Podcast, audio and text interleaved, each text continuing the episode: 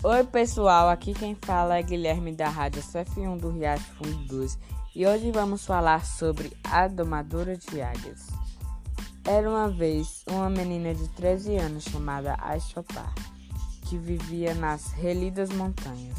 Durante sete gerações, os homens de sua tribo passaram com águias reais, fornecer comida e pele para sua família. Águias reais são criaturas enormes, ferozes, com garras afiadas e bicos curvados que podem ser extremamente perigosas para achopar. Contudo, elas eram apenas lindas, era só para treinar sua própria águia. Por isso, certo dia, papai, sei que esta garota fez isso antes, mas se você me ensinar, você ser, você boa, o pai que era um excelente dona, domador parou para pensar. Então respondeu: Você é forte, não tem medo, você pode fazer isso. O coração da garota palpitou de alegria. Ela e o pai foram a cavalo para o alto das montanhas, indo encontrar das montanhas, indo encontrar uma jovem a sopar. Alcançou uma alcançou um ninho tomando cuidado para não escorregar nas rochas. Havia uma única águiazinha. Ela cobriu a cabeça da ave com um pano para acalmá-la e a levou para casa a chopar. Ele contou histórias para a jovem águia.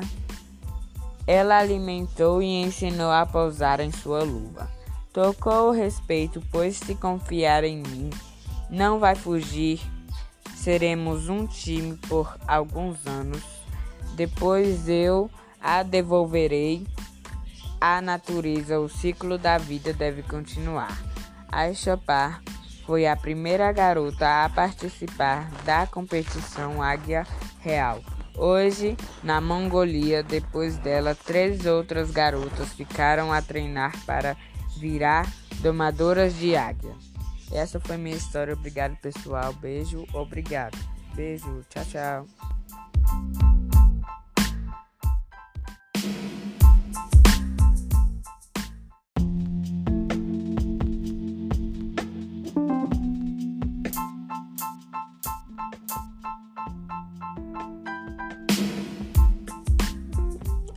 Oi pessoal, é o Guilherme e hoje eu vou falar sobre o que eu entendi do podcast A Lei Xavier.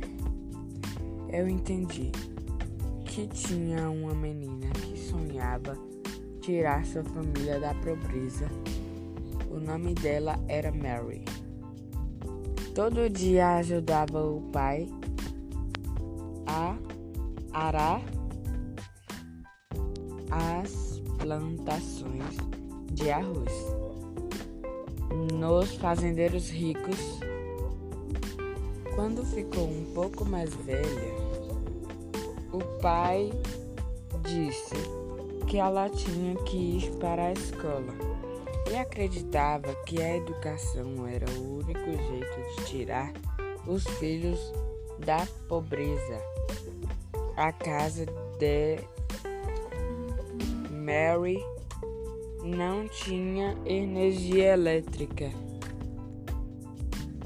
Ela fazia dever de casa sobre a luz da lamparina caseira. Mary levava os estudos a sério, mas a sua paixão mesmo era os esportes. Mas ver, a verdade a sua paixão de verdade era o boxe. E essa foi um pouco que eu entendi, pessoal. Tchau, até